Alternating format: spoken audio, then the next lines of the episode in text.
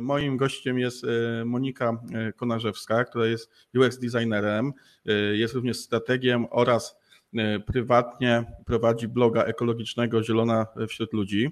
Pracuje w agencji o nazwie Creatic. Opowiedz nam troszeczkę tak o, o tym, co na co dzień, co na co dzień jest tym, czym się zajmujesz. Jak okay. to E, trochę tego jest, ale no, e, w godzinach pracy, że tak powiem, czyli w pracy. E, najczęściej jestem właśnie strategiem, kieruję też działem UX-owym w Kreatiku. Jestem też design thinking coachem czy moderatorem, moderuję procesy tworzenia produktów cyfrowych no, w różnych metodologiach. Mhm. E, po godzinach e, piszę właśnie bloga Zielona wśród ludzi. On ma korzenie takie bardzo mocno ekologiczne, teraz trochę ewoluował w inną stronę, e, ale wciąż gdzieś ta ekologia się przewija. Po godzinach dużo podróżuję, jeszcze robię zdjęcia, więc się nie nudzę generalnie. Okej, okay, super. A ja się nazywam Wojciech Popiela i jestem jednym z założycieli agencji UX o nazwie Webmetric oraz projektantem UX również. I Y, ten, ten, y, ten webinar dzisiaj y, pojawił się dlatego, że byłem jakiś czas temu, a już kilka miesięcy temu było, było takie wydarzenie Digital Waste, tak? tak to się nazywało i tam była jedna bardzo ciekawa prelekcja właśnie na temat tego, o czym dzisiaj będziemy rozmawiać. To mnie bardzo zainspirowało, ponieważ to był temat związany właśnie z cyfrowymi odpadami i jakby z cyfrową ekologią, o czymś, o czym się nie myśli, nawet jeśli się jest, y, jakby powiedzieć, z branży, no bo czuję się człowiekiem tak stuprocentowo z branży, tak, odkąd pamiętam to coś z komputerami robiłem i, i ze światem cyfrowym, jakoś tak super się nad tym nie zastanawiałem, jakie to ma konsekwencje ekologiczne, a ma i to dosyć duże. Y, także y, Monika by nam trochę więcej powiedziała, jak to, jak to wygląda, jaki to ma wpływ, czy internet ma wpływ w ogóle na, na ekologię. E, no ma, oczywiście, że ma i to chyba dużo większe niż nam się wszystkim na początku mogło wydawać. E, w ogóle mm, to, to, o czym mówisz, ta cyfrowa ekologia, czy tam digital waste, czy mm, jakkolwiek sobie to nazwiemy, bo tych e, nazw tak naprawdę na to wszystko się porobiło ostatnio bardzo dużo, ale one tak naprawdę wszystkie mówią o tym samym. A to cała branża chyba na to cierpi, nie? My uwielbiamy w branży takie słowa, tak. które się mnożą i one, one potem znaczą to samo, ale, ale, te, ale pojawiają się nowe i jak są nowe, to są modne, więc tutaj tak, tak, tak. tak tutaj to jakby nie oszczędzamy tego, tego poletka. Jasne, jasne. Nie, nie, absolutnie nie. Także tych, tych buzzwordów powstało ostatnio trochę, ale generalnie wszystko kręci się wokół tego, e, e, jaki wpływ na środowisko ma korzystanie z nowoczesnych technologii, w tym z internetu na przykład. E, I też minimalizowanie tego szkodliwego wpływu. I tutaj, e, co mam na myśli, mówiąc o, o, korzystaniu z nowoczesnych technologii, to są tak naprawdę dwie, dwie takie kluczowe rzeczy. Pierwsza to jest e, ten transfer internetu, który, e, transfer danych, którego potrzebujemy, żeby pracować, korzystać z rozrywki, oglądać Netflixa i tak dalej, i tak dalej. E, a druga, druga część tego to, e, no to są te urządzenia, z których korzystamy, koszt środowiskowy ich produkcji, utylizacji, wymiany, e, transportu, wydobycia surowców, które są potrzebne do ich produkcji itd. Tak itd. Tak I to wszystko, mm, czym się zajmuje cyfrowa ekologia, pokazuje nam, że ten internet, o którym sobie myślimy, to wbrew temu, co często widzimy na, nie wiem, grafikach, filmach, na stokach nawet, to nie jest, nie krąży gdzieś w chmurze, to nie jest niematerialny byt, który się cudownie materializuje na naszych ekranach, tylko on ma swoją fizyczną reprezentację i to całkiem e, taką powiedziałabym pokaźną, która też ma wpływ jakiś na, na nasze środowisko i właśnie zwraca naszą uwagę na to, e, że internet nie jest niematerialny. Tak, ale to w ogóle taka ciekawa myśl, bo jakby też mam to z tyłu głowy, że y, jest to przeświadczenie takie, że trochę właśnie, że internet jest czymś niematerialnym, nie? A to na różnych płaszczyznach, bo nawet na płaszczyźnie biznesowej czasem tak, y, o, ktoś nie docenia jakichś tam cyfrowych usług, a bo tego nie można dotknąć i tak dalej, nie? Y, nie? To, co to właściwie jest, nie? Tam klikać myszą, nie? No to na, nawet na takiej płaszczyźnie czasem coś takiego się pojawia, no i ten internet jest niematerialny i to jest taki trochę mit, tak jak był kiedyś taki mit i on chyba trochę gdzieś tam już odchodzi, że na przykład internet jest za darmo, także wszystko, co jest w internecie jest za darmo, nie? Dopiero no, uczymy tak. się tego, że w internecie za coś się płaci i, i że te rzeczy są jak najbardziej własność intelektualna i tak dalej, i tak dalej. I teraz chyba zaczynamy wchodzić w taką fazę, gdzieś to zaczyna się pojawiać, że internet za internet się płaci, to po pierwsze, a drugie to, że internet jest osadzony w bardzo materialnym świecie. I to już nawet y, urządzenia to jest jedno, ale korzystanie z tego przesyłu tych wszystkich danych, tam chmury i tak dalej, jest bardzo, bardzo materialne, jakby odciska takie piętno w ogóle na, y, na środowisku i chyba coraz większe, bo to bardzo przyspiesza. I teraz właśnie o, ty, o tym o tej skali i o tych trochę statystykach, bo one są bardzo ciekawe, e, to ja tutaj Cię zachęcę, żebyś trochę opowiedziała, bo wiem, że się przygotowywałaś do tego, że te statystyki gdzieś tam krążą, więc powiedzmy o tym trochę, bo liczby to tak zawsze na wyobraźnię działają. Jak, jak to jest? Jakieś przykłady, jakbyśmy e, sobie e, okay.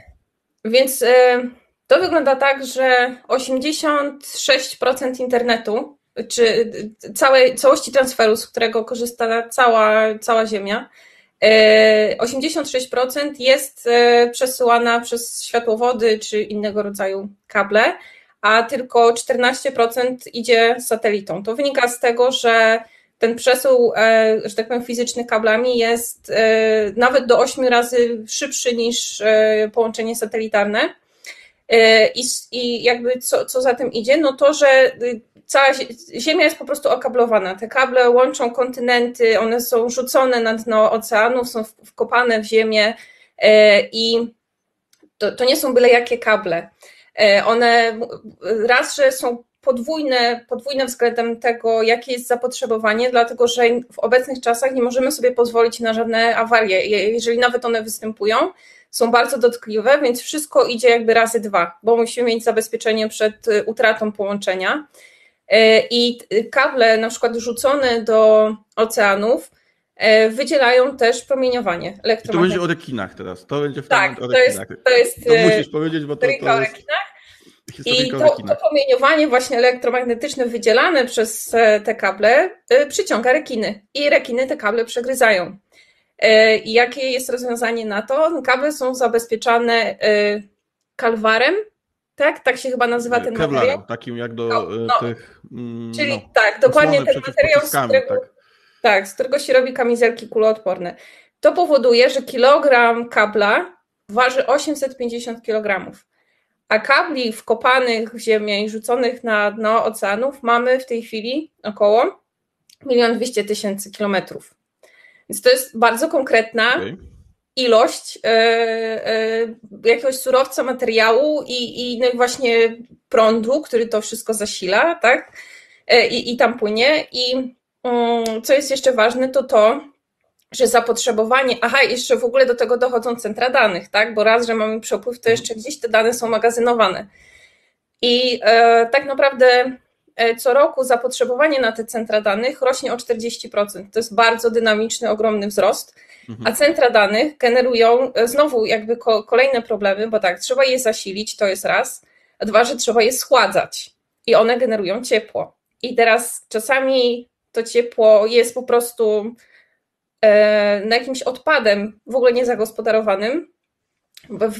Zaczynają się jakieś takie ruchy, że na przykład e, gdzieś w Danii, tak jest chyba, z tego co pamiętam, serwerownia Facebooka zastosowała jakiś taki system, który odzyskuje to ciepło i używa go do ogrzewania domów.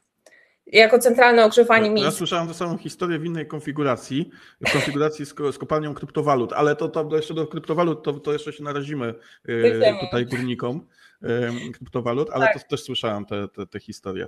Tak, no to się to, to, oczywiście trochę też pojawia, bo, no bo pojawiają się centra danych zasilane na przykład energią słoneczną, no tak. e, czy, czy na przykład geotermalną gdzieś tam na, na Islandii, ale to są wciąż jakieś tam wyjątki i generalnie wciąż jest tak, i tu musicie mi dać sekundę, wrócę sobie do e, przygotowanych moich statystyk, Okej, okay, okej. Okay. Ale że... tak w międzyczasie to tak, y, takie płyną dwie, dwie jakby rzeczy y, z tego wszystkiego, nie? Które tak, y, pierwsze to jest takie, że mogę spróbować kiedyś powiedzieć, że nie ma mnie na jakimś spotkaniu, bo rekin przeciął kabel, to jest pierwsza rzecz, ale to może nie przejść. A druga rzecz to, że te kable tak fizycznie jesteśmy w stanie gdzieś pójść i je zobaczyć.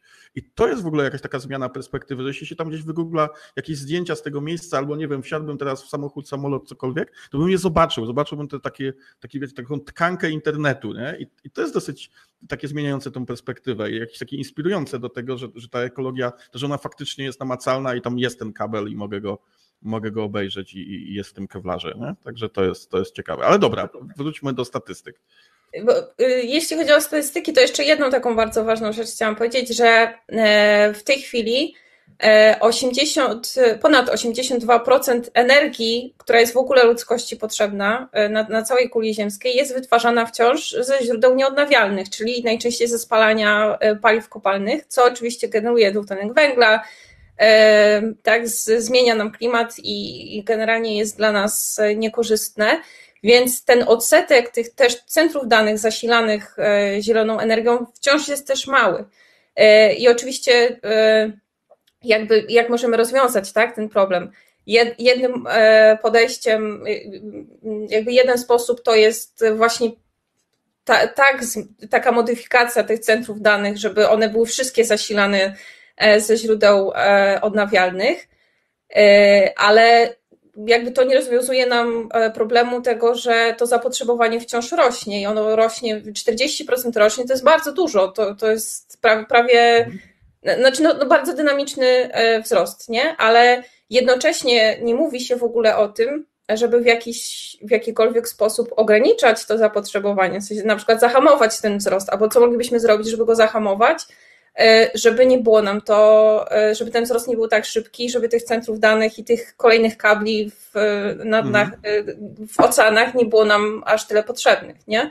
To jest no jakby tak, tak. drugie. Znaczy narracja jest w drugą stronę, tak? Czyli przyspieszamy, przyspieszamy, mamy coraz lepszy internet, tak? Coraz lepsze, wydajniejsze centra danych, coraz więcej tego wszystkiego, coraz więcej przestrzeni. No mówi się właściwie e, w jakichś takich komunikatach marketingowych głównie, że nieograniczona jest wręcz przestrzeń, tak? Nieograniczony transfer, nieograniczona przestrzeń i i, to gdzieś tam trafia tak do chmury i nie ma już nawet sky is the limit, to nawet nie, to w ogóle nie, nie ma żadnych limitów i, i faktycznie no, ta narracja taka, taka też jest. Także... No tak i też no właśnie kuszenie nas też tym, że nie wiem, no, nawet jak e, zmieniamy abonament czy operatora telefonii komórkowej, to wszystkie najważniejsze aplikacje, na przykład z nich się transfer nie liczy do limitu, to masz za darmo, mhm. tak? Facebooka scrollujesz za darmo, coś tam za darmo, coś tam za darmo.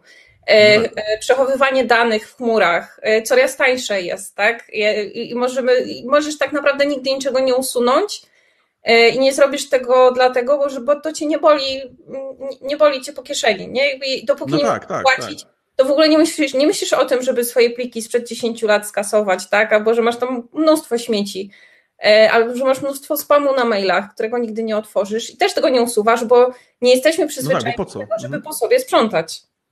Tak, tak. Znaczy, to jest jeszcze dodatkowy aspekt, bo jakby sprzątać to jest jedno, ale to jakby takie kopiowanie w nieskończoność, czy właśnie łatwość przechowywania tych danych, no to też jest y, czymś, co też jest y, jakby reklamowane, łatwo, łatwo się o tym mówi, nie? No bo y, kiedyś jednak mimo wszystko, gdzieś nawet historycznie, gdyby tak w ogóle wrócić do jakichś tam zamierzchłych czasów, no to na przykład jak się miało książkę, to, to żeby ją przepisać, to ludzie życie tak tracili, tak? Praktycznie na ten temat, bo ją przepisywali pół, pół życia i, i dopiero proszę, druga książka jest, nie? No I jakby stopniowo no, a potem była tam jakaś prasa drukarska i tak dalej, potem dochodzimy do naszych czasów, no i, i, i zaczynamy y, kopiować rzeczy w nieskończoność, totalnie nielimitowany sposób.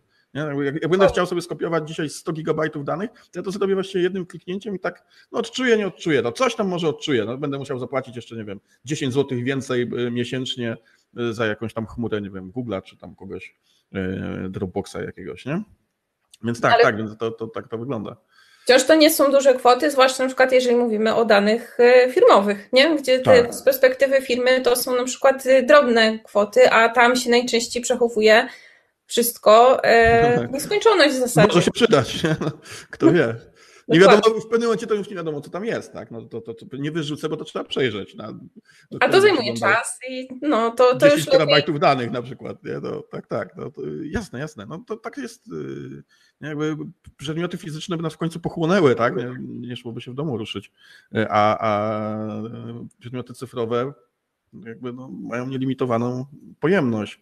W, duży, w dużej mierze. No i, i, tak też jesteśmy kuszeni, że to tak jest i że to tak wolno robić. Y, zresztą no, tutaj y, sam tak bardzo często robię, tak? Jakby nie patrzę na to, jakie to ma konsekwencje, po prostu robię.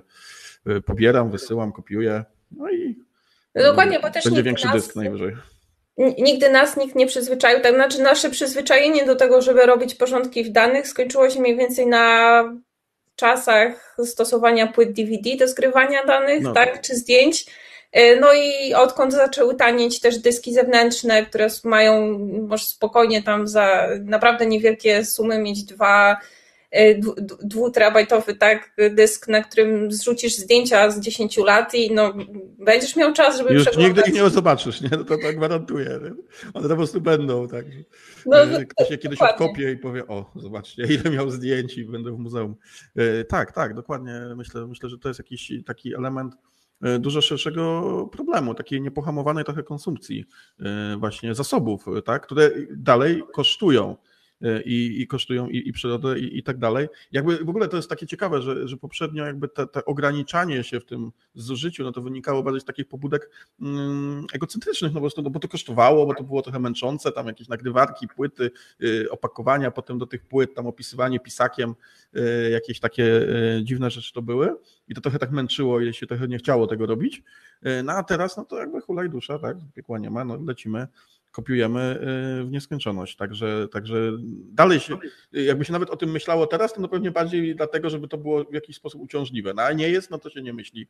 I, i, i ten internet, y, reasumując, no jest niematerialny dalej w głowie. Nie? Dokładnie. Tak, myślę, że też no tu jest jakby kolejny aspekt tego, co, o czym już przed chwilą wspomniałeś, czyli ta, ta nadmierna i bezrefleksyjna konsumpcja, do której jesteśmy przyzwyczajeni i którą do której jesteśmy namawiani non-stop i ona ma odzwierciedlenie nie tylko w tych, jakby w realnym życiu, tak, że my kupujemy przedmioty czy tam e, urządzenia, e, no i w internecie jakby to, to poszło w zasadzie tak samo i, i jakby reklamy, kolejne jakieś tam nowe rozwiązania, nowe serwisy streamingowe i wszystko nas po prostu kusi, no i no tak się to e, hmm. kręci. Człowiek jest słaby z natury, tak, bierze da się, daje się y, kusić i, i, i jest I Dobrze manipulowany też przy okazji.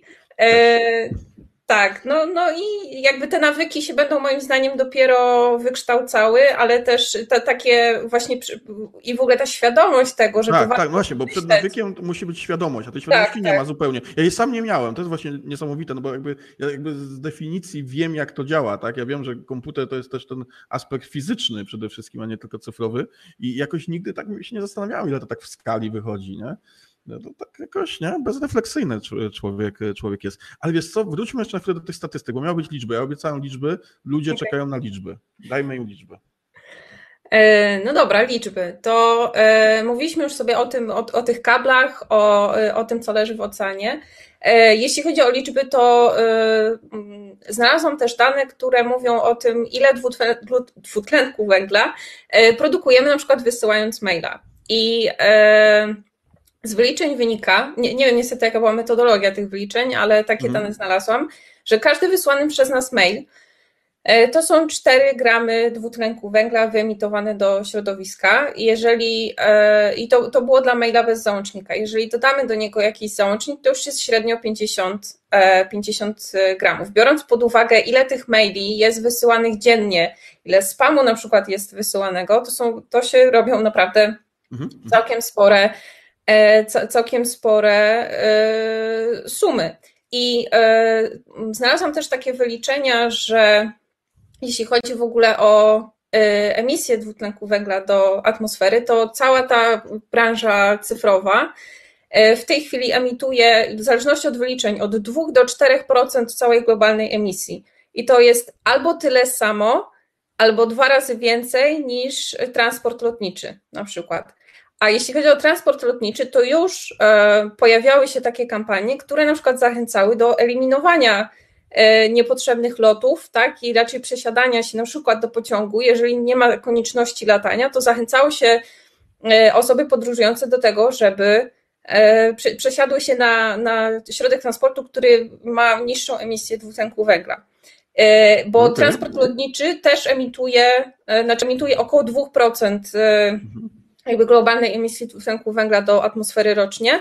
Więc internet, no w zależności od wyliczeń, spotkałam się, że albo 2, albo prawie 4%, więc mamy albo tyle samo, albo nawet dwa razy więcej, a jeszcze nikt nas nie zachęcał do tego, żebyśmy swoją e, emisję dwutlenku węgla związaną z korzystaniem z internetu ograniczali. No bo tam, bo tam są memy, tam jest dużo memów, to nikt nie ogranicza, no bo wiesz, no, gdybyśmy się przesiadli, nie? No, tutaj jeszcze do pociągu, a, a memy, memy jednak nie, ale dobra, a ja mówię trochę sprawdzam, powiedz, czy mamy jakieś źródło tych, tych, tych statystyk, bo zresztą metodologią, że ona jest jakaś taka trochę szemrana, nie do końca wiadomo jaka, taka jawna, no to, to, to wiemy, ale y, jak, jak to wygląda, kto, kto, takie, kto się tym zajmował, kto tam nam próbował coś tu opowiedzieć o tym? E, okej, okay, więc e, z, w tych materiałach, które ja czytałam, pojawiały się najczęściej e, trzy, trzy instytucje, które takie badania podjęły. Jedną z nich był Greenpeace, a dwie to były uczelnie. Mhm. I teraz jedna, wydaje mi się, że jedna uczelnia z Wielkiej Brytanii, ale już teraz nie pamiętam niestety nazwy. Nie, dwie, przepraszam. Obie te uczelnie to były uczelnie z Wielkiej Brytanii. Mhm. I tam takie wyliczenia też, też były prowadzone. Niestety nie wiem, czy oni działali wspólnie, czy to było jakieś zupełnie odrębne badanie. Nie, nie dokopałam się też do informacji o metodologii. Spotkałam się też z takimi głosami, które y, też nie wierzą do końca w te dane, no bo ja domyślam się, że tą emisję dwutlenku węgla jest bardzo trudno w ogóle sprawdzić, wyliczyć, nie? No tak. To, to jakąś metodologię ktoś musiał przyjąć, czy ona jest dobra, czy nie. Tego nie wiem. Natomiast y, są takie rzeczy, które są niezaprzeczalnie łatwe do sprawdzenia, czyli na przykład właśnie pobór energii, tak? który, e, czyli ten, e, już Wam mówię, jakie to są, e, jakie to są wartości. Cały nasz cyfrowy świat obecnie pobiera od 5 do 9% globalnego zapotrzebowania na energię. I biorąc okay. pod uwagę to, co powiedziałam wcześniej, czyli to, że wciąż większość naszej energii jest produkowana jednak e, podczas spalania paliw kopalnych, e, no to daje nam już jakieś wyobrażenie o tym, ile tej emisji tak naprawdę może być. Czy ten jeden mail wysłany to faktycznie są 4 gramy? Nie potrafię powiedzieć, czy jak ktoś to wyliczył, jak mu to wyszło. Natomiast tak globalnie wydaje mi się, że tu jakby nie ma pola też do tego, żeby się tym, e, z tym nie zgadzać. I też spotkałam się z takimi mm, wyliczeniami, że na przykład e, wysyłanie maila jest dużo, e, znaczy generuje dużo więcej dwutlenku węgla niż na przykład wysłanie SMS-a, czy korzystanie z Wi-Fi jest korzystniejsze niż korzystanie z transferu komórkowego i tak dalej. To bardzo też zależy od technologii przesyłania tych danych. Mhm. Ale no, no, to wszystko jest coś, co mm, jakby badanie tego, wyliczanie tego tak naprawdę jest jeszcze przed nami. E, myślę, że te pierwsze próby już no pokazały, tak. że warto się tym tematem zainteresować. Natomiast pewnie tych badań będzie się rodziło w najbliższym czasie dużo więcej. No to podejrzewam, że to jest też kwestia e, jakby popularności tematyki, tak? Pewnie jakieś wyliczenia, jakieś, nie wiem, energochłonności i tak dalej były pewnie pod kątem bardziej biznesowym czy technologicznym, typu projektując jakieś centra danych, czyli mhm. po to, żeby to wykorzystywać więcej, mocniej i, i, i szybciej, a nie po to, czy to będzie tam miało wpływ taki czy, czy inny. Yy, I, no bo to jednak no, bardziej biznes tutaj chciał to napędzić, a nie, nie jakoś to ograniczyć, więc tak, tak, no myślę, że to, to jest yy, po prostu trochę nieruszone i to, i to bardziej chyba te, te 4 yy, gramy i, i, i tak dalej, to są bardziej chyba na zasadzie ciekawostki w tej chwili, to gdzieś tam się kręci na Aha. takich webinarach na przykład jak nasz, tak, I to, a i to nielicznych webinarach, że to jest jednak, a to jest ciekawe, tak, o taki maila, przelicz to sobie przez ilość spamu na przykład, jaki, jaki tam idzie i, i, i, i wtedy sobie zobaczysz, jakie to są liczby i tak dalej. I, i trochę to jest takie jakby jeszcze niepoważne, nie? jakby to nie traktowane poważnie, bo jednak spaliny jak lecą z rury wydechowej samochodu, tak, i widzimy smog taki, że, yy, że nic nie widać, to, to, to jest jakieś takie znowu bardziej namacalne i takie bardziej oczywiste. No, silnik spalinowy, no to muszą być spaliny, tak, a tutaj jest internet, no to yy, nie? mój, mój y, iPhone nie generuje spalin, tak, także no i to są, to, to, to, to jest takie proste wyobrażenia, proste skojarzenia, yy, jasne. Jak najbardziej. No dobra, no to yy, narzuca się pytanie, tak? Czy jako taki konsument, o taki Wojciech Popiela, tak? Co ja mogę zrobić, żeby, żeby tutaj to, to yy, polecić? I pytanie jeszcze jedno, od razu powiązane. Czy ja to powinienem coś z tym robić? To takie podchwytliwe pytanie, bo mam swoją opinię na ten temat, ale to za chwilę. To co, co ty o tym sądzisz? Kto, kto, powinien się, kto powinien coś z tym zrobić? Czy ktoś powinien coś z tym zrobić? Kto to ma być? Kogo wskazujemy? Ja bym powiedziała, że to nie jest podchwytliwe pytanie, tylko słuszne pytanie bardzo. E, jako użytkownik oczywiście mogę zrobić e, dwie rzeczy. E, znaczy tych czynności jest więcej, ale dwie takie powiedziałabym kategorie. Pierwsza z nich no to jest oczywiście jakiś taka wewnętrzna refleksja na temat tego, ile ja tego transferu uży, zużywam i co mogę zrobić, żeby zrobić, zużywać go mniej. No i tu oczywiście mówimy też o takich rzeczach jak właśnie porządki w swoich danych, tak, czy na przykład mm, ograniczanie tego transferu, który jest niepotrzebny, czyli e, jeżeli słuchamy muzyki z YouTube'a, to zmniejszamy na przykład jakość wideo, które jest do nas transmitowane, na które w ogóle nie zwracamy uwagi. A jeżeli e, słuchamy muzyki na Spotify na przykład, to swoje ulubione albumy czy playlisty pobieramy, żeby one szły offline. Jeżeli mamy tam konto premium, bo chyba wtedy tylko to, to działa, żeby tak, to nie tak, szło tak, za każdym razem przez internet, tak? E, możemy też co jeszcze możemy? Korzystać na przykład właśnie z, z sieci, e, korzystać, nie wiem, na telefonie nawet właśnie z, e, łączyć się przez Wi-Fi, a niekoniecznie przez, jeżeli mamy oczywiście taką możliwość, a nie przez komórkową transmisję danych. I jakby te, te, swoje, te ograniczenia, które możemy na siebie narzucać, to jest jedna część tego, co możemy robić. A druga część to jest wymagać. Wymagać od ludzi, którzy jakby dostarczają nam pewnych usług i produktów tego, żeby oni zachowywali się odpowiedzialnie wobec środowiska i wywierać presję. I to ma szczególne znaczenie, w sensie jakby presja e, oddolna od konsumentów, użytkowników ma bardzo duże znaczenie w tym, jak firmy e, swoje biznesy organizują i jakby jakie usługi, produkty nam e, sprzedają. I to się nie dzieje oczywiście od razu, ale są takie sytuacje, kiedy to się sprawdzało. Na przykład e, mogę rzucić takim przykładem, że w Polsce jest bardzo mm, prężnie działający ruch działający na rzecz ograniczenia konsumpcji, jeśli chodzi o odzież i nie kupowanie na przykład w sieciówkach takiego produktów fast fashion, żeby kupować rzadziej, ale produkty lepszej jakości, albo z drugiej ręki. I ten ruch e, działa i prężnie się rozwija już od paru lat w Polsce. I do czego to doprowadziło? Na przykład do tego, że centra handlowe E, które mamy w Polsce, zaczynają otwierać e, pierwsze second handy w centrach handlowych, gdzie to się do tej pory w ogóle nie zdarzało. Okay. Tak, więc to jest efekt tego, że zmieniają się postawy społeczeństwa, że są naciski i że przede wszystkim ktoś widzi, że to jest dla ludzi ważne i jakby idzie w tym kierunku. I z, z tą ekologią cyfrową no będzie prawdopodobnie tak samo, bo to wszystko zaczyna się od dołu.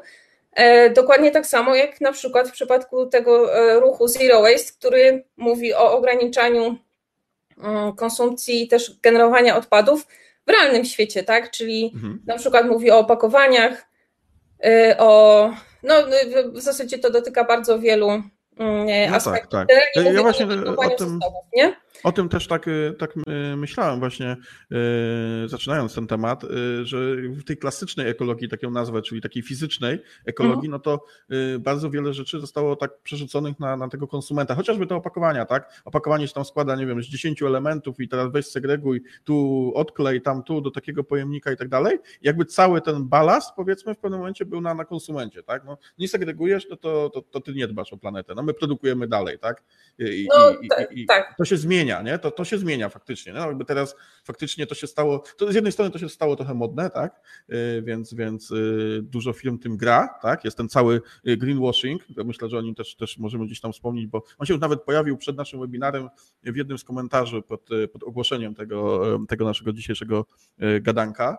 Tam już był, był temat tego greenwashingu i no jakby, no to, to oczywiście, nie? No jeśli coś się staje, jest jakaś presja oddolna, no to ktoś chce to wykorzystać i jakby coś na tym ugrać, nie? I, mhm. i to wbrew pozorom, o ile to oczywiście y, daje jakiś realny efekt, że faktycznie coś się zmienia, no to to nawet jest dobre, nie? Można powiedzieć. Tak, tak mi się wydaje, nie? No, y, że, że, że ludzie chcą coś ugrać na tym w sensie takim, że, że zmieniają się pod to, żeby się na przykład przypodobać konsumentom, nie? No gorzej, jeśli to jest tak, że mówią o tym, a tak naprawdę tam idzie po staremu albo jeszcze gorzej, nie? No to wtedy no to już jest to już trochę gorzej. No, tak, mhm. tak. Jeżeli do, dopóki no, no. się zmieniają, dopóki się zmieniają pod wpływem tych nacisków, to powiedzmy, że okej, okay, jakby no o to w tym wszystkim chodzi, nie? Bo to zawsze, e, tak jak na przykład w przypadku ruchu Zero, Waste, to dokładnie był ten sam mechanizm. Pojawiła się jakaś inicjatywa bardzo słuszna jednego człowieka, który to rozpromował, e, jakby rozniosło się wśród konsumentów, później to dotarło gdzieś do biznesu, ktoś zauważył w tym jakby potencjał na zarobek, rozkręcił się biznes, który trochę zaprzeczał tym, e, znaczy nie trochę, bardzo nawet w pewnym momencie zaprzeczał tym oryginalnym wartościom, ale później się okazało, że ludzie, e, świadomi konsumenci, którzy wiedzą na czym to zero waste polega, nie łapią się na to. Oni się na ten greenwashing nie łapią, bo oni go czują, widzą, że to jest ściema i teraz i, i później dopiero zaczynają się realne no, działania. I wybierają tych, którzy naprawdę działają w myśl tych, tych tak. idei, nie? Więc jakby Dokładnie. to siłą rzeczy ta transformacja następuje, tylko ona tak przechodzi nie tak od, od złego do dobrego, tylko tak od złego do jeszcze gorszego i dopiero wtedy coś tam się zaczyna wykluwać. No, tak. Myślę, że jest podobnie. Tylko ja tutaj widzę jeszcze dodatkowy aspekt, że tak jak taka klasyczna ekologia, to trochę ten taki zastany stan rzeczy trochę psuje, nie? To znaczy robiliśmy coś tam, jak robiliśmy, tak, szkodziło to temu środowisku mniej, yy, mocniej, ale się opłacało, tak?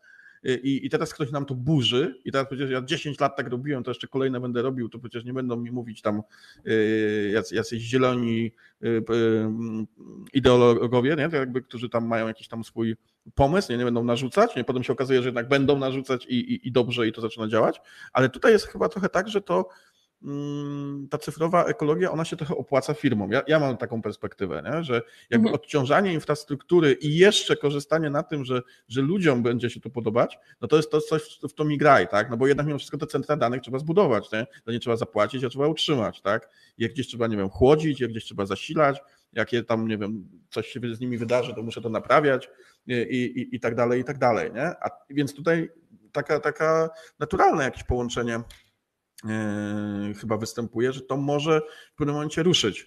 Na zasadzie takiej, ok, to się opłaca wszystkim.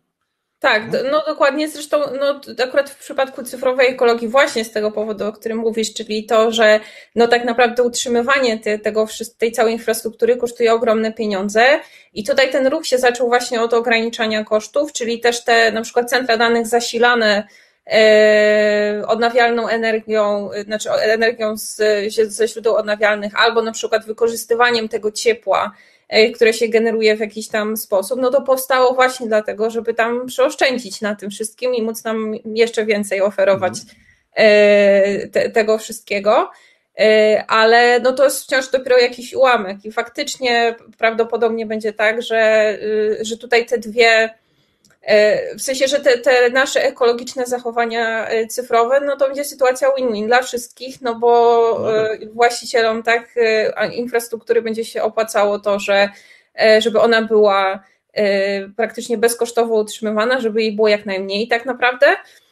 No a z perspektywy konsumenta świadomego, który nie chce swoimi działaniami w internecie jakby szkodzić planecie, no to też będzie jakby sytuacja, która będzie powodowała, że będzie tych dostawców wybierał.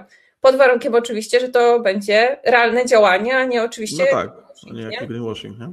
Jasne. Dokładnie. Producenci sprzętu się będą denerwować, bo im te dyski będą się mniej sprzedawać. Jasne. A to w ogóle jest kolejna kategoria, nie? W sensie jakby producenci sprzętu elektronicznego to jest oddzielna yy, mistrzowska kategoria, która ma swoje niestety zachowania bardzo szkodliwe, nie? I no które... to co, co, do nich masz? Mów. Co masz do producentów sprzętu elektronicznego? Oni słuchają. A masz czas.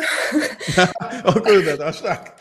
To będzie no, temat na e- osobny webinar. Ale dobra, główny, główna rzecz. Czemu nie lubimy producentów sprzętu elektronicznego? E, no dlatego, że oni wykorzystują oczywiście mechanizmy, które powodują, że musimy ten sprzęt coraz częściej wymieniać. Już pomijając nawet e, to celowe postarzanie sprzętu, które w przypadku niektórych firm jest po prostu bardzo łatwe do zdiagnozowania, da się to zaobserwować na przykład e, przez, e, przez Nie podają żadne nazwy, bo nas pozwą. przez producentów telefonów i komputerów osobistych, które na przykład w pewnym momencie przestają być wspierane, jeśli chodzi o software i w zasadzie stają mhm. się niezdatne do użytku, bo na przykład aplikacje, z których korzystamy na co dzień, przestają na nich działać, bo nie ma dla nich aktualizacji. Albo jakichś funkcji nowych na przykład nam nie przybywa. No, no i to jest sygnał do tego e, dla konsumenta, że trzeba wymienić Zakupić. na nowy model, no okay. bo przecież jak ja bez tego Instagrama tam będę funkcjonować, okay. nie? Okay. no nie wiem, ja nie wiem, jak bym dała faktycznie. Okej, okej, okay, dobra, ja to, to kupuję. To jest, to jest, to jest dopiero jeden. pierwszy aspekt, to, nie? Okej, okej. Bo chcesz powiedzieć kolejne, to powiedz, ale...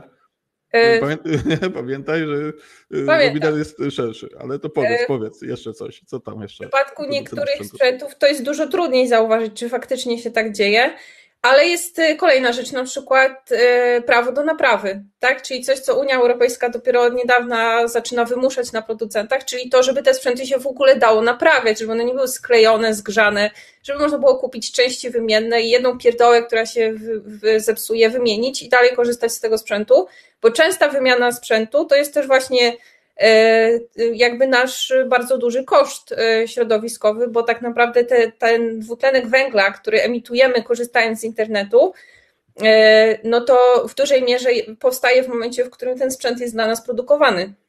Okay, a nie okay. kiedy my z niego korzystamy, nie? Więc no tak. e, jeśli mówimy jeszcze o tym, co przeciętny Kowalski mógłby zrobić, żeby swój tam cyfrowy ślad mieć jak najmniejszy, no to jak najrzadziej wymieniać sprzęt. Nie zawsze jest to możliwe. Nie? nie? no, prawo do naprawy to prawda, bo z tymi sklejanymi obudowami, to ja naprawdę, jak ktoś ogląda na wideo, to zobaczcie to. Mhm, tak właśnie się stało. Tak? Ja, ja, z tym telefonem, to wiecie, mam nadzieję, że nie było widać nazwy, bo mnie pozwał. E, w każdym razie też to mam, tak. Nie da się tego naprawić i tak teraz się chwilowo męczę, ale.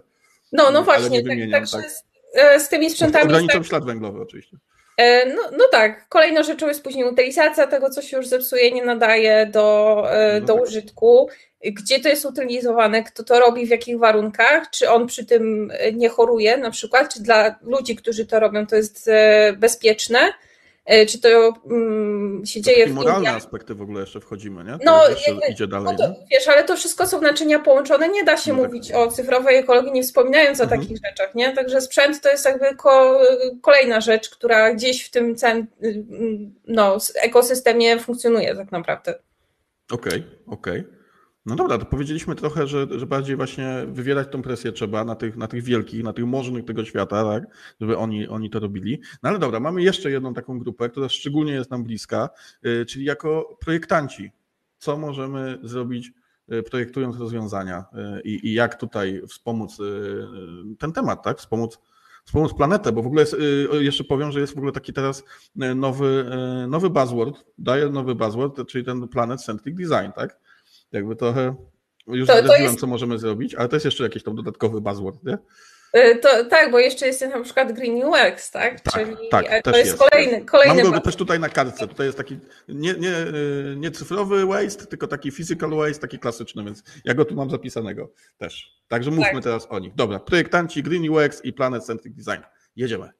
Okej, okay, no to e, co możemy zrobić? E, częściowo to się już nawet trochę dzieje, e, to, to co możemy robić, bo dużą rewolucję w tym temacie przyniosła, przyniosło spopularyzowanie technologii mobilnych i projektowanie stron na przykład mobile first, czyli takich, mhm. które będą się szybko ładowały na, e, na telefonach. Tak? E, mhm. Użytkownicy są niecierpliwi, jeżeli strona im się ładuje długo, to ją prawdopodobnie porzucą i nie wejdą, więc to, że zaczęliśmy pracować nad tym, żeby te strony były lekkie, żeby się szybko ładowały, to już jest krok ku dobremu, dlatego że jeżeli jest lekka, no to znaczy, że załadowanie jej zużywa mniej transferu, tak? No tak. To jest jakby proste, bo jeszcze jedna w sumie taka e, przydatna rzecz do zwizualizowania tego, co nam pomoże w ogóle myśleć o cyfrowej ekologii, to to, jak rozpoznać w ogóle, co generuje najwięcej tych zanieczyszczeń, nie? E, taki bardzo prosty, obrazowy przykład to to, że e, wyobraźmy sobie na przykład nasz telefon w momencie, w którym działa bez Wi-Fi i bez podłączenia do, do prądu, czyli na baterii, na transferze komórkowym no to te czynności, które będą e, zabierały nam najwięcej baterii i najwięcej transferu z naszego limitu, to są te, które są najmniej ekologiczne. Po okay. prostu. Zużywamy sprytne, powiem Ci, że. E, no, no tak możemy sobie e, o tym myśleć. Więc co my jako projektanci możemy zrobić? Projektować jak najlżejsze rzeczy. Mhm. Czyli nie ładować wideo tam, gdzie ono jest niepotrzebne, tak? Kompresować grafiki jak najbardziej, jak to jest możliwe. Albo ale nie na używać przykład, na przykład. Nie? Grafik, albo w ogóle nie używać grafik. Bo w ogóle tak? takie, takie ozdobniki estetyczne, y, właśnie mnóstwo jakichś zdjęć i tak dalej, które mają ładnie wyglądać, no to jest chyba trochę takie przekleństwo branży w ogóle, bo z tymi zdjęciami, no to każdy chce nie? dużo zdjęć. E, no, a, zdjęć, a w ogóle robienie zdjęć to jest, wiesz, kolejna właśnie ta, ta rzecz, że też ich nigdy nie przeglądasz, nigdy nie robisz w nich porządków, 10 tysięcy ujęć tego samego miejsca, 9 e, jest nieudanych, tak, i też tego nigdy nie usuniesz, nie masz takiej potrzeby. Ale no tak. dobra, wracając do tematu. fonty na przykład. Załadowanie fontów jakby nie, nie customowych, nie przeglądarkowych, to jest kolejny plik, który trzeba załadować mhm. tak użytkownikowi. Nie wiem, czy się spotkaliście na przykład z taką sytuacją, gdzie przy słabym zasięgu albo słabym łączu otwieracie na telefonie stronę internetową, zaczynacie czytać artykuł i on po kilku sekundach na przykład wam przeskakuje wam słowo, gdzieś ono się skróluje góra-dół, bo się na przykład zaczytał font. No tak. Tak. Po pięciu minutach. Ja, ja, właśnie już zapisuję, żeby tutaj z, mojej strony filmowej natychmiast usuńcie fonty customowe. Tak? już usuwają, tak? już ich nie e... ale faktycznie tak jest, tak. Tak, no i na przykład te, te fonty, które mamy dostępne, te, te, te przeglądarkowe, e, do, na przykład do czytania tekstu, to są bardzo dobre fonty, tak? One są tak zaprojektowane, żeby mhm. długie na przykład teksty, nie wiem, powiedzmy blogowe się dobrze czytało i spokojnie można z nich korzystać. A, a jest tam Comic Sans? Bo to, to jest mój ulubiony font. To musi być załadowane. Na pewno jest systemowo, na pewno tam jest. Ja, ja jestem pewien. Proszę, nie, nie wchodźmy e, w tą stronę, bo nie skończymy tej rozmowy nigdy. Nie, nie, nie, po prostu, nie, no Comic Sans jest fajny, to co tu rozmawiać. Dobra, e... żartuję, idziemy, idziemy dalej, bo zapraszam. E, spotkałam się na przykład jeszcze z czymś takim, tu kolejny, proszę bardzo, dzisiaj buzzword branżowy, recykling treści cyfrowych. I na przykład spotkałam się z zaleceniem e, takim, e, które mówi: korzystaj z grafik i wideo, które już masz, albo które zrobił ktoś inny. Czyli sklejaj swoją reklamę nie z nagranych na przykład materiałów w studio, tylko z tego, co jest na stokach. I to jest w ogóle taka porada, która będzie w ogóle dla. Kontrowersyjna, nie? Bo to tak trochę głowa. No bardzo, bardzo, no bo wiemy, jakiej jakości e, są materiały na stokach. Spędziliśmy, myślę, e, oboje wiele godzin tak, na no, tego, co tam jest. Ciekawe, Więc... Są tam ciekawe rzeczy, to prawda. Ale tak wiesz, jeszcze myślę pod kątem takiej personalizacji, nie? Że, to, że za chwilę będą wszyscy będą mieli to samo, nie? ale z drugiej strony, no, no, no planeta jest jedna, nie? E, no dokładnie, no to jest, to wiesz, to jest też E, coś takiego, co, co dopiero powstaje, to się na pewno od razu nie przyjmie, ale ciekawa mm. jestem na przykład, czy e, tworzenie treści na stoka z taką myślą się w pewnym momencie nie zmieni, bo tak mm. też mhm. może być, że ktoś może rozkminić, jak to robić e, lepiej, tak żeby faktycznie się dało w ten sposób z tego korzystać. Ale kolejną rzeczą na przykład jest to, żeby stawiając swoje strony, nie wiem, blogi, produkty cyfrowe czy, czy jakiekolwiek serwisy, wybierać właśnie e, hosting, który deklaruje, że jest zasilany e, energią produkowaną ze źródeł odnawialnych. To jest do sprawdzenia i da się to, e, da, da się to zrobić. Też spotkałam się z takim zaleceniem, że na przykład nie ładować WordPressa wszędzie tam, gdzie do, do jakiejkolwiek strony, którą stawiamy, bo to jest oczywiście proste i łatwe i i każdy tam w zasadzie, kto, każdy w internecie porusza, jest w stanie to zrobić. E, ale na przykład, jeżeli mamy taką możliwość, to jednak stawiać na strony statyczne, które też są lżejsze. Okay. E, mm, to, to jest... regres jest w tym wszystkim, tak wybrzmiewa, nie? Taki wiesz, wiesz, jakby tak było na początku gdzieś internetu, mieliśmy to wszystko takie trochę ograniczone i każdy walczył o tam, no, no, no, no, no każdy, nie wiem, kilobajt, tak, y, danych, Potem nagle to wszystko eksplodowało i już nikt o to praktycznie nie dba. Y, ewentualnie są jakieś tam takie kwestie pozycjonowania i tak dalej, to o tym wspomnę, y, wspomnę za chwilę. Ale jakby y, no, no eksplodowało to wszystko, tak, że można no, transferować ile się da.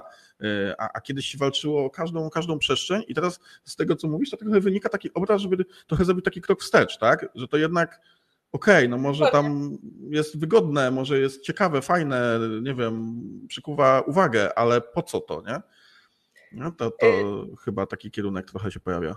Trochę tak, ale pytanie, czy to na pewno jest, y, znaczy, czy to w ogóle jest coś złego, bo jak tak sobie myślę na przykład o y, trendach, jakie się pojawiają, na przykład właśnie w tworzeniu stron internetowych i tego, jak one są strokate, grają, tak. śpiewają, wszystko jest animowane, atakuje, atakują tak, cię animacje to, to jest mój ulubiony element. Nie? To, to I one są po prostu nie do, nie do użycia, są tak, tak nieużyteczne, tak. że ty szukając informacji musisz zamknąć 10 mhm. pop-upów, tak? To już w ogóle jest jakaś tam kolejna, kolejny aspekt.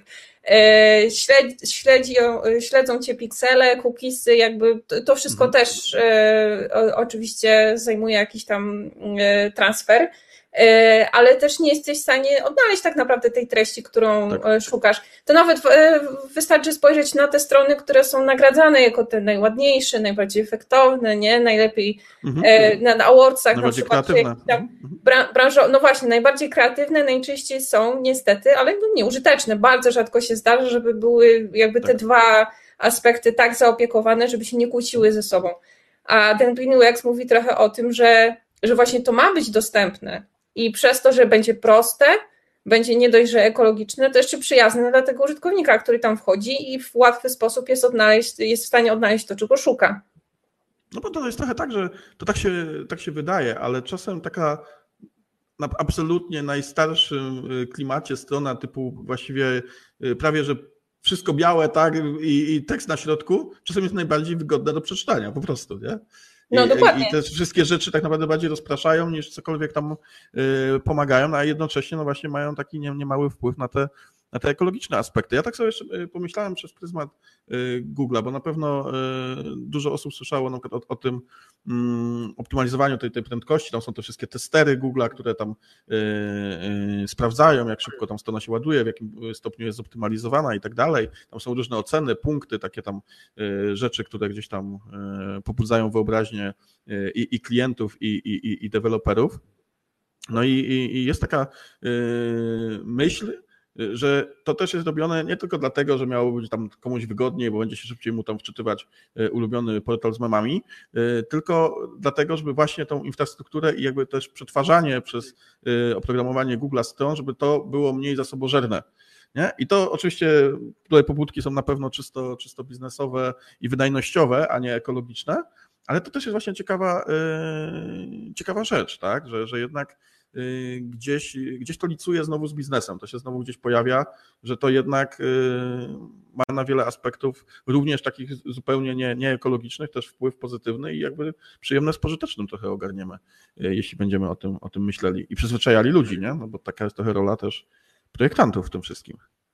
E, no tak, bo te, też jak e, tak słucham tego, co mówisz, no to w ogóle cały UX jest o tym, tak, żeby po, pożenić tak naprawdę potrzeby mhm. różnych grup i biznesu i użytkownika, a Green UX dokłada do tego jeszcze ten jeden aspekt, czyli potrzeby planety.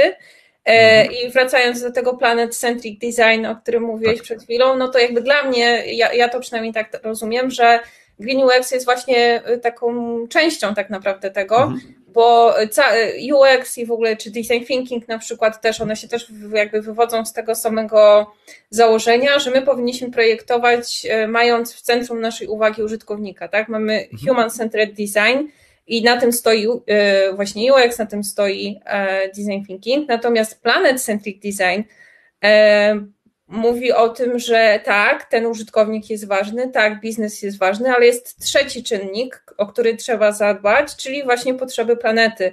I on mówi o tym, że projektując swoje produkty, niezależnie czy cyfrowe, fizyczne, nie wiem, usługi, e, wymyślając swój biznes, jesteśmy już w ogóle w takim punkcie aktualnie naszej sytuacji środowiskowej, klimatycznej, że nie mamy już innego wyjścia, jak patrzeć na tą planetę i ona powinna być naturalnie jakby właśnie włączana jako e, jeden z partycypantów w ogóle całego tego e, procesu, nie? Więc dla mnie ten mhm. UX jest po prostu jakby tą częścią projektowania z myślą o planecie, tylko no właśnie w tej, w tym aspekcie jakby e, cyfrowym i, i, i właśnie ten, ten, to odwrócenie, znaczy może nie odwrócenie, bo to nie jest może dobre słowo, ale jakby stawianie tego człowieka na równi z potrzebami planety jest już jakimś takim trendem, który widzę już się rozwija no już od kilku lat tak naprawdę, nie? I, i będzie się rozwijał jeszcze, myślę, że dużo intensywniej w najbliższych latach. Okej, okay, okej. Okay. Dobra, y, pytanie teraz takie, bo, bo mówimy trochę o tym biznesie i tak dalej i y, zapisałem sobie taką myśl, którą miałem, czy, bo mówiliśmy o tych mailach, o tym odpisywaniu, o tym wszystkim i tak dalej, że to, to generuje ten dwutlenek węgla mniejszy, większy, przesyłanie załączników. Y, i jakby z jednej strony jest ta zmiana przyzwyczajeń co do tego na przykład właśnie jak działają jakieś aplikacje, tak, jak, jak wyglądają projekty, ale może taki internetowy Weave'u powinien się też zmienić, no bo jednak jest coś takiego, że no jednak oczekuje się, że na każdą wiadomość będzie na przykład OK, dziękuję, dziękuję za informację i tak dalej, i tak dalej. No i to jakby w skali ilości maili, jakie się wysyła pewnie dziennie, no to, to też ileś tam tego jest. No i teraz pytanie, czy to nawet na takim, wydawałoby się, niskim poziomie nie powinno być, gdzieś tam nie można też z tym trochę pracować. Właśnie gdzieś nawet takie biznesowe procesy modelując pod tym kątem. E, myślę, że tak, że i, i to się też pewnie będzie działo. Mhm. Trochę sobie nie potrafię wyobrazić jeszcze, jak miałoby to wyglądać i co dokładnie miałoby się zmienić, no bo, no tak jak mówisz, ja sobie na przykład nie wyobrażam, e, idąc w pracy tak na, na długi urlop, nie ustawić autora respondera, nie dać mhm. ludziom znać, że mnie nie ma i nie odpowiem, e, albo nie wiem, co mają robić w sytuacji, kiedy potrzebują pilnie pomocy, a i do kogo mają się zwrócić mhm. Ale no, znajdą się na pewno jakieś sposoby na to, żeby, żeby tego nie robić, ale tak sobie jeszcze myślę o jeszcze jednym aspekcie, bo jeszcze maile to jest jakby jedna rzecz, ale e, pandemia zwłaszcza nam poka e, pokazała to w momencie, w którym się przesiedliśmy w zasadzie z branż, które do tej pory nawet nie, nie śniły o tym, że mogą pracować zdalnie, bo ona, nasza to tam jeszcze powiedzmy takiego szoku nie przeżyła, ale no masowo jakby przeszliśmy na pracę zdalną wideokonferencje i w ogóle transfer wideo to jest na przykład coś, co y, odpowiada za tak naprawdę większość transferu, który, z którego korzystamy y, na co dzień. I też y, czytam o tym i widzę to też po swojej organizacji, że te, te wideokonferencje się po prostu namnożyły E, dramatycznie. My bardzo dużo czasu spędzamy na tych spotkaniach i też przez to to wpływa oczywiście na wiele czynników, w ogóle nawet na, na naszą psychikę, na, na naszą wydajność w pracy, e, nie tylko na tą ekologię. I to się też będzie zmieniało, bo ten proces e, pracy mm, takiej zdalnej, cyfrowej, w ogóle zarządzania zdalnymi zespołami też będzie ewoluował, będzie się przede wszystkim optymalizował, więc myślę, że przy tej okazji ta zmiana tej etykiety też nastąpi, nie? Bo, bo, mhm. i tutaj będzie znowu z, z, jakby z różnych pobudek będą się działy te rzeczy, ale przy okazji, yy, nawet jeżeli będzie chodziło o, nie wiem, ograniczenie czasu spędzonego na spotkaniach albo właśnie e, ograniczenie transferu, to przyjdzie, znaczy jakby przyniesie korzyść przy okazji też planecie, nawet jeżeli ktoś będzie robił to e, nieświadomie czy, czy z innych powodów, nie? Ale tak, no tak, bo też jest tak, że my jesteśmy w ogóle przyzwyczajeni na przykład do wysyłania, nie wiem, w konwersacji już może nie służbowej, ale ze znajomymi czy z rodziną, tak, gifów. Mhm. Kochamy gify. A, no, no, oczywiście. A one są na przykład też e, pod kątem te, tego e, zużycia transferu i przy okazji tam emisji dwutlenku węgla do atmosfery dużo gorsze niż na przykład wiadomość tekstowa. No tak. A czasem A, gify to jest cała rozmowa na przykład. No tak, bo można w zasadzie ich jest tyle. Gif za gifem, no, no, no, no Można cał, no, całą konwersację w ten sposób, tak, prowadzić. Wysyłamy je też zupełnie bezrefleksyjnie, bo no, kto z nas kiedyś pomyślał o tym, żeby tak, oszczędzać transfer no tak. tego gifa. No w, w ogóle nie, nie, nie funkcjonuje. Można przesyłać też wideo, można przesyłać nagrania audio, przecież też wiadomości też bardzo popularne. Nie? Też tak, to robię. Tak. Także w ogóle y, mam taki punkt, który nazwałem sobie po prostu hipokryzja troszeczkę w tym wszystkim. Ona, to będzie chyba naj, najcięższa rzecz w tym wszystkim do, do, do zrobienia, bo no nawet, nawet teraz tak się to dziwnie z tym czuję, no bo jednak mimo wszystko będę tutaj y, swój wizerunek na tym webinarze pewnie gdzieś tam w 4K y, streamował czy przesyłał na, na wszystkie Vimeo, YouTube i tak dalej i, i, i tak dalej, więc jakby mimo wszystko to będzie bardzo ciężko trochę tak ograniczać się w ten sposób, a mimo wszystko pewnie ten webinar bez, bez mojej podobizny dał sobie doskonale radę. A i, i by mniej, mniej ważył. Także też, też e, myślę, że, że to, to jest. E, można dużo szukać właśnie takich elementów i, i, i będziemy się na tym łapać pewnie bardzo często, że kurde, nie? jednak tego nie robię. Nie? Jednak dalej wybieram jakąś tam inną, inną drogę nie? W, no, tym, w tym wszystkim. No bo dokładnie, no, przyzwyczajenie, no to to jest silna rzecz. E, chociaż wiesz, no tak sobie też myślałam trochę o, e, o, o tym, co nazywałeś hipokryzją i jakby co, co teraz, że gadamy tak od 25 e, minut, nie, przepraszam, od godziny. Nie, nie, no, ja wiem, że w moim towarzystwie czas gadamy szybko, tym, ale to już jest prawie godzina. Tak, o, o tym, co jakby, jaki ten internet jest, jaki ma wpływ na, na środowisko i tak dalej. I, I teraz dokładamy do tego godzinę na tego YouTube'a, na którego codziennie jest ładowanych mhm. tyle treści, że nikt nie jest w stanie wszystkiego obejrzeć, tego, co jest w ciągu nawet jednego dnia załadowane. To jeszcze rzucę jedną statystykę, bo mi się to przypomniało że każdego dnia na, na samego YouTube'a jest ładowane tyle kontentu, że gdyby jedna osoba chciała obejrzeć wszystko, co zostało załadowane jednego dnia, musiałaby poświęcić 16 miesięcy swojego życia na to, żeby to obejrzeć. Są niewyobrażalne w ogóle ilości danych. Ilości, tak, tak. I to tak. gdzieś trafia na fizyczny nośnik. To jest niesamowite. Dokładnie. O tym zupełnie nie myślimy. No to jest na, faktycznie na twardym dysku, który jakby dobrze poszukać, to można było zidentyfikować i dotknąć palcem o tak, pyk. To jest tu. Tu jest mój filmik y, z kotami tak. śmiesznymi i, i fajny jest. I teraz a, a webinar ekologii jest tam. My sobie dołożymy do tego zaraz kolejną cegiełkę, czy to dobrze, czy źle. E, ja sobie o tym trochę myślałam i wiesz, z jednej strony jest tak, że gdyby ludzie w internecie o tym nie mówili, to ja też bym o tym nie wiedziała. I na przykład no moja tak. wiedza o w ogóle o zero waste, o ekologii, o planet centric design, o tym wszystkim jakby o czym czytam i co przekazuję dalej, też bym tego nie miała, gdybym nie przeczytała tego gdzieś w internecie, nie? Więc no, to jest trochę tak, że my, my jakby mamy tutaj taki szereg wachlarz treści i część z nich jest merytoryczna i e, jest wartościowa, edukacyjna, a część jest e, no, wystarczy sobie odpalić TikToka, nie? I dopóki nie nauczysz znaczy, jakąś segregację interesuje to... Na TikToku są fajne rzeczy. To, to nie, jest, tak, oczywiście, że są. Pod warunkiem, że nauczysz algorytm tego, co cię interesuje, ale jest też masa no głupot, no po prostu, no nie, nie ukrywajmy no, no tego, no że tak jest. I, I, to też nie jest tak, że wiesz, ja y, na, nakręcę TikToka i na przykład, y, nie wiem, on za trzy miesiące będzie nieaktualny, czy ja go usunę, czy, czy no te miliony. Ja, ja, znam odpowiedź. No nie. No i czy te miliony użytkowników to zrobią? No nie zrobią tego, bo TikTok. A to się jeszcze zwielokrotni nawet poza Twoją kontrolą, no bo wszelkiego rodzaju backupy, tak i tak dalej, tak, no to tak, tak. gdzieś tam y, to sobie już pójdzie w ten swój cyfrowy, yy, cyfrowy świat. I właśnie, i z tym, że coś pójdzie w cyfrowy świat, yy, ostatnio jak byłem yy, na, na antenie Radia Poznań, y, to zostało mi zadane pytanie właśnie w tym samym kontekście, o którym teraz rozmawiamy, że, że kiedy my już odejdziemy jakby z tego świata, tak, to te cyfrowe śmieci zostaną w sumie z nami chyba na zawsze, yy, tak trochę i one dalej będą się zwielokrotniać gdzieś tam, nie? Bo nie ma na to właściwie nawet jakichś takich procedur ograniczających, nie? No bo na przykład y, co, yy, co, co ludziom po mnie, jak, jak, jak, jak mnie już nie będzie i co z moim profilem na, na Facebooku. No, można co prawda wybrać, co z tym się stanie, ale, ale na innych nie? miejscach, nie? No to mhm. znowu te cyfrowe śmieci zostaną yy, jakby trochę, trochę na zawsze, gdzieś tam wielokrotnie, zwielokrotnione, dopóki jakieś tam firmy będą istniały na kolejnych nośnikach i tak dalej. Także jak, jaka jest skala też tego przyrostu, takiego nawet nieuświadomionego, takiego nie pozbawionego naszej kontroli, gdzie, gdzie my nie chcemy nawet tego robić. No nie chcę tego wrzucać ponownie, ale to znowu gdzieś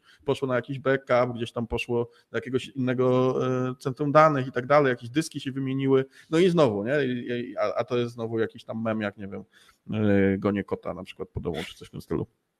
Nie? No, no taki, no, dokładnie. No, mało wartościowy content. No, ale no właśnie, bo to, to jest też e, jakby trochę tak, że my częścią tych danych jesteśmy w stanie zarządzić, na przykład właśnie tam mhm. Facebookiem, chociaż e, bardzo niewiele osób wie o tym, że tak można i ja też się dowiedziałam na przykład z twojej audycji o tym, że coś takiego w ogóle można zrobić. Można, można. Ale będzie masa kont, o których nikt poza nami nie wiedział, że my je mamy i nikt o, o, kurde.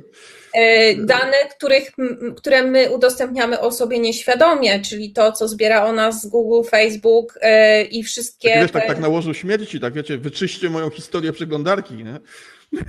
To, to jest właśnie taki, taki moment. No, ale no, ty, ty, po prostu tych danych jest tyle, że no właśnie to jakby to jest kolejna kwestia, że my nie mamy nad swoimi danymi kontroli tak, tak naprawdę, albo nad niewielką częścią naszych danych. I nad tą multiplikacją, która się odbywa, myślę, w jakimś totalnie yy, szalonym zakresie yy, w wielu, wielu miejscach, nie?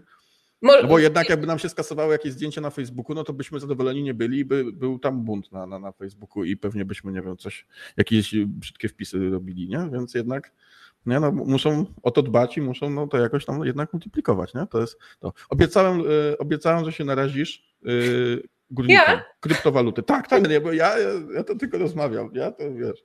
Kryptowaluty, no wolno czy nie wolno? Można to tak kopać, generować ciepło, prąd zużywać? E... To, to jest w ogóle bardzo trudne pytanie. A kurs bitcoina teraz tak wiesz, drży, czeka na odpowiedź. Też, Można kopać bitcoina czy nie? Odpowiem na to pytanie, znaczy stwierdzeniem bardzo popularnym wśród UX-ów, to zależy. w ogóle tak sobie myślę, że w ogóle cały ten temat i cały ten webinar i w ogóle ta cyfrowa ekologia jako taka świeżynka, jeszcze nieokreślona rzecz, to i tak jest ta dziedzina, która jest tak naprawdę wciąż e, e, jakby pełna pytań i w zasadzie my możemy mieć tylko same pytania na ten moment, jeszcze bez odpowiedzi, bo ich po prostu nie znamy i jakby nie wiemy, co z tym robić. Nikt nigdy tego nie przemyślał tak naprawdę dobrze i pewnie nie przeliczył, więc myślę, że to jest w ogóle jedyny webinar, na którym zadajemy więcej pytań niż udzielamy odpowiedzi, e, ale e, kryptowaluty.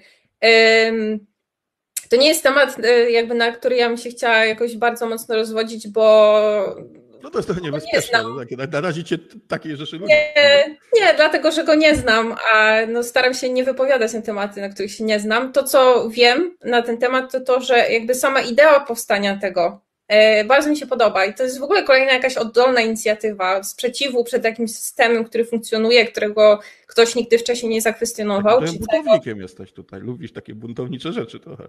E, zawsze. E, nie wiesz tego jeszcze. E, ale no i oczywiście jakby to powstało z jakichś powiedzmy szlachetnych pobudek, no albo ktoś po prostu miał pomysł na biznes, ale no gdzieś było to, to kwestionowanie tego statusu nienaruszalnego do tej pory. No i oczywiście rozwinęło się znowu, to tak jak to, o czym rozmawialiśmy wcześniej, że poszło w którąś stronę, gdzie zrobiło się ogromnym biznesem i kopalnie tak e, zużywają e, bardzo dużą ilość tego e, prądu, który jak już wiemy pochodzi ze spalania paliw kopalnych. I myślę, że dopóki to się też nie, nie ureguluje, czyli to w jaki sposób zasilane są te, te wszystkie działania, no to no co, no zostawiają ślad po sobie, jak wszystko, co robimy w internecie, nie? No czy tak. to jest dobre, czy złe, nie będę tego oceniać w żaden sposób, bo nie czuję się jakby na, na siłach, a to w ogóle kryptowaluty mają wpływ no nie tylko na planetę, na wiele innych e, czynników. To, co myślę, że się wydarzy, no to będzie się ten temat rozwijał bardzo intensywnie, bardzo mocno. E, I w czasie, jak się będzie rozwijał, ktoś zauważy w pewnym momencie potrzebę tego, żeby to nie kosztowało tyle. E, nie, w okay. sensie nie zżerało tyle prądu, tak? Bo im będzie tańsze, tym bardziej będzie się opłacało to robić im będzie lepiej zasilane, lepiej w sensie z, no, z mniejszym kosztem środowiskowym, tym lepiej, to się pewnie naturalnie wydarzy. E, w tej chwili oczywiście tak nie jest, nie? Okej, okay, okej, okay. bardzo ładna odpowiedź. Bardzo ładna odpowiedź.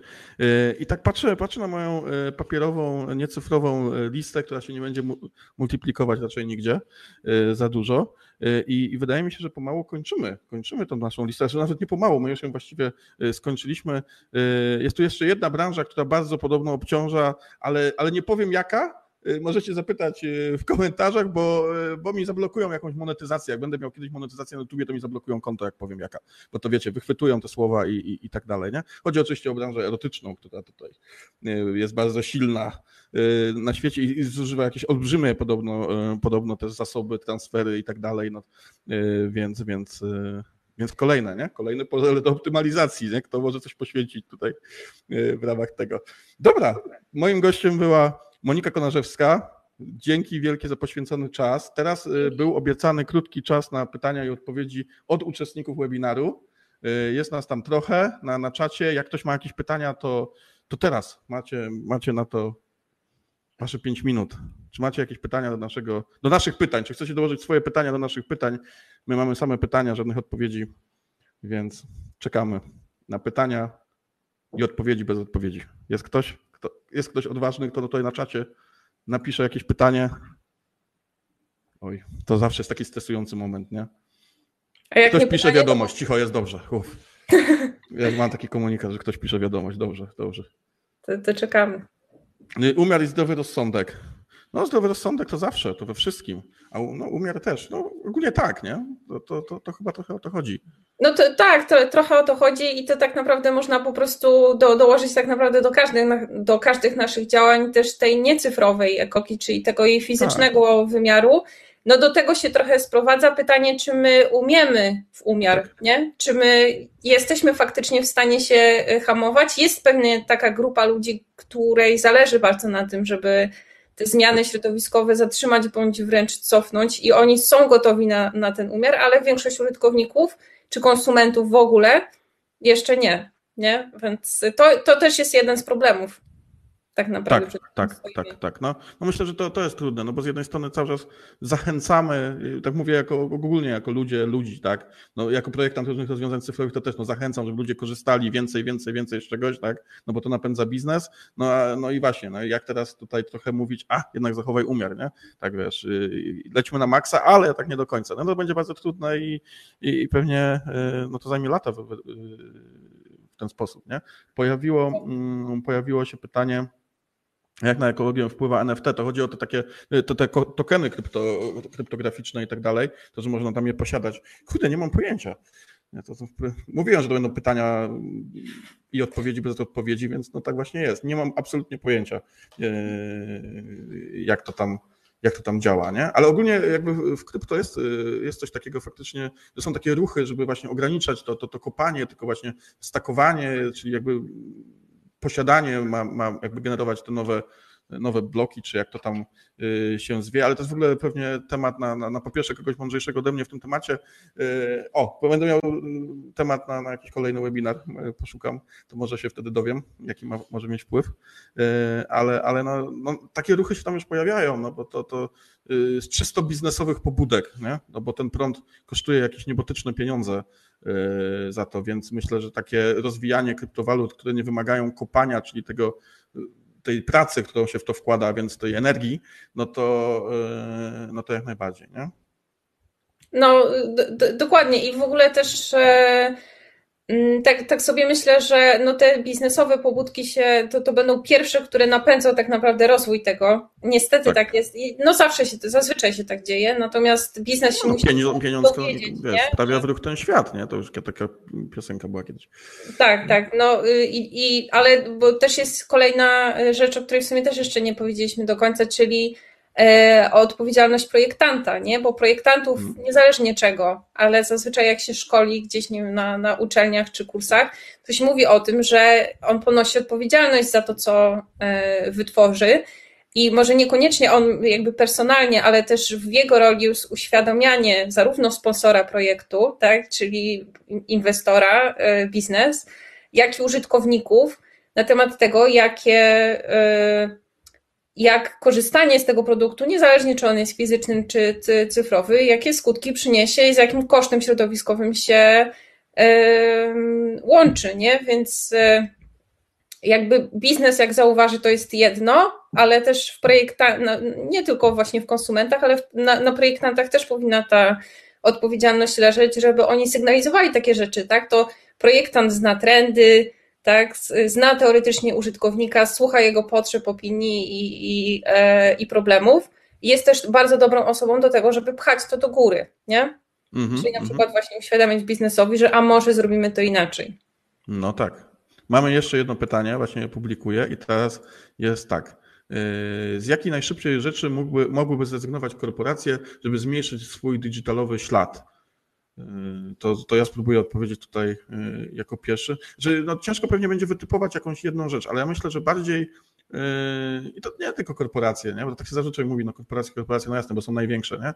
ale myślę, żeby y, rezygnować z jakichś nic nie wnoszących ozdobników różnych rzeczy, nie? takich nic nie wnoszących treści, które są, bo są, nie? Tak od tego można zacząć, nie? czyli po prostu z tego nadmiaru, nie? Trochę przechodzić do konkretów trochę szybciej, bez tej całej otoczki takiej, e, tego całego blichtru i tak dalej, no to myślę, że to, to, to można bardzo szybko edukować no, w projektowaniu, tak mówię ze swojej działki, nie? Ale co więcej mogą zrobić? Monika, co, co ty sądzisz? No ja bym powiedziała jeszcze, bo to też trochę zależy jakiego rodzaju korporacje, nie? Bo one są tak. bardzo różne, nie wiem do końca e, o czym rozmawiamy, ale to o czym sobie myślę, to też e, na przykład ta ogromna ilość spamu, który my dostajemy reklamowego, tak, który jest na przykład, y, nas w ogóle nie interesuje, jeżeli nie otwieramy tam, nie wiem, pierwszych trzech maili, to już naprawdę można sobie darować, tak, wysyłanie tego do, do użytkownika. E, który nie jest tym zainteresowany, także w, w ogóle to, to, zalewanie nas tymi komunikatami sprzedażowymi no jest e, na przykład tak intensywne teraz, że my i tak w ogóle nie jesteśmy w stanie nawet, nawet nie połowy, po prostu większości z nich nawet mhm. zrejestrować, tak, czy odczytać, to jest jedna rzecz. A dwa, no to inwestować w zieloną infrastrukturę, tak? Czyli jeżeli korporacja potrzebuje dużych magazynów danych, potrzebuje dużej infrastruktury, nie wiem, jakiejkolwiek, czy sprzętu, na którym pracują pracownicy, no to inwestować w te, które no mają jakieś odpowiednie certyfikaty i są produkowane i zasilane w sposób jakby odpowiedzialny odpowiedzialny środowiskowo, nie? No to, to są na pewno takie rzeczy, które mogą zrobić, bo tutaj też ma znaczenie skala. Korporacja potrzebuje tego bardzo dużo, nie? Dużo więcej niż pojedynczy użytkownik i to mhm. oni na przykład właśnie e, nie wiem, taki Facebook e, powiedzmy jest korporacją, stawiając no, swoje... Uchylał zasięgi, nie mów nic złego na Facebook. Facebook dobry. Nie ucinajcie no, na zasięgów. Po, po, potem e, będzie... Jak, jak, jakikolwiek gigant cyfrowy, a mamy o. ich tam kilku, no powinien e, postawić, zresztą oni to robią, bo im się to właśnie doskonale opłaca, tak? E, e, no, stawiają tą infrastrukturę na, na źródłach energii odnawialnej i też inaczej produkowane, no bo im się to po prostu opłaca. I powinni to robić dalej. No to mamy, mamy odpowiedź. Mam nadzieję, że odpowiedzieliśmy na to pytanie. Czy ktoś jeszcze? Widziałem, że ktoś tam, tam się coś pojawiło, tak na chwilę, że ktoś pisze, potem przestał. Tak, jeszcze ostatnia może osoba, jeśli jakaś jest, ma ochotę coś zapytać, to niech pyta, bo za chwilę kończymy. To już się zrobiło późno. Chyba, chyba zrezygnowała. To się zrobiło późno, no to, to nic dziwnego. Dobra, to co? Kończymy w takim razie. Ja bardzo serdecznie y, dziękuję y, za, za Twój udział, za Twoją wiedzę i za tą nową perspektywę, którą, y, którą tutaj mieliśmy okazję omówić. I na koniec dodam taką, taką niespodziankę, mianowicie udało nam się nawiązać taką współpracę. O, jest, skąd czerpać wiedzę? Pojawiło się pytanie, przepraszam, ostatnie. To, to do, do, dopuszczę, dopuszczę w takim razie. Skąd czerpać wiedzę? No właśnie, nie? Skąd czerpać wiedzę? To jest bardzo dobre, dobre pytanie, bo trochę grzebaliśmy w tych statystykach, szukaliśmy, tak? Ten Digital Waste, tak? Ta, ta, ta jedna prelekcja tak otworzyła oczy, przynajmniej mnie. Mhm. No właśnie, i co dalej, nie? To, to, to teraz nie jest łatwe wbrew pozorom. O tej, nie, o tej zupełnie nie jest łatwe. W ogóle czerpanie wiedzy z internetu nie jest ogólnie łatwe. Ale to nie jest łatwe ogólnie, tak? Jeśli o, jeśli o to chodzi, no to, to, co, to co mogłabym podpowiedzieć, to śledzenie na przykład tego, co zaczynają e, komunikować i jakie dane e, upowszechniać e, instytuty różnej maści i w różnych krajach właśnie zajmujące się cyfrową ekologią. W Polsce też mamy taki instytut, który całkiem niedawno wystartował I z tego co pamiętam, nazywa się po prostu Instytut Cyfrowej Ekologii. E, I takie instytuty pojawiają się i w Polsce, i za granicą, i chyba to by były pierwsze, jakby moje takie tropy odnośnie tego, co można by było e, zrobić i skąd te dane czerpać. No bo poza tym, Mamy dostępne tylko tak naprawdę kilka artykułów na temat hmm. tej cyfrowej Tak, tak, jest bardzo mało. Wszystkie bazują na tych samych danych tak naprawdę. E, z tego, co zauważyłam, właśnie, no to jakby trzy jakieś instytucje się w ogóle pokusiły o to, żeby to badać, ale będzie, będzie tego przyrastało i myślę, że, że takie organizacje zrzeszone, już skupione na tej cyfrowej ekologii, to będzie pierwszy taki trop odnośnie e, taki, takiego kompleksowego też spojrzenia na ten temat, nie? To zależy też od nas wszystkich, którzy dzisiaj byli na tym webinarze, komu o tym opowiecie i tak dalej, y, jak to bardzo się rozniesie, no to też nie, takie małe klocki i właśnie ta oddolna inicjatywa, ona będzie, będzie powodowała, że zaczną się pojawiać y, y, te, te, te publikacje i tak dalej, poruszać ten temat, no bo jeśli będzie faktycznie jakiś, jakaś taka potrzeba, nie, to jednak, jednak no, no dosyć prosta zależność. Okej, okay, zacząłem mówić, to już było ostatnie pytanie i taka niespodzianka na koniec dla wszystkie osoby, które, które były tutaj na tym webinarze, jakby w zamian za to, że, że, byliście, że tak powiem, to y, posadzimy.pl posadzi jedno drzewo, y, więc jest to takim pewnym pewnym dodatkiem, takim bardzo miłym, jako że mamy temat bardzo ekologiczny, a oni mają właśnie taki, taki bardzo ciekawy, y, ciekawy y, pomysł na to, także właśnie współpracują y, z takimi webinarami jak nasz i w zamian właśnie za to, że za każdego uczestnika posadzą jedno, jedno drzewo, więc trochę, trochę zneutralizujemy ten szkodliwy wpływ tego, że pójdziemy teraz z tym na wszystkie możliwe platformy streamingowe i tak dalej, oprócz Netflixa, bo tam, nie wiem, coś chyba nie odpisują mi, nie? Za rok dopiero. Ale to za rok, to, to jeszcze jest czas, nie? To wtedy nakręcą coś o nas y, fajnego. Y, dobra, dobra, to ja jeszcze raz bardzo dziękuję. Dziękuję wszystkim za udział. Y, dziękuję, dziękuję Tobie, Moniko, że, że byłaś z nami. Dziękuję za ten poświęcony czas i no, widzimy się na kolejnym webinarze. Dzięki wielkie raz jeszcze za wysłuchanie. Dzięki. Do usłyszenia. Cześć. Cześć.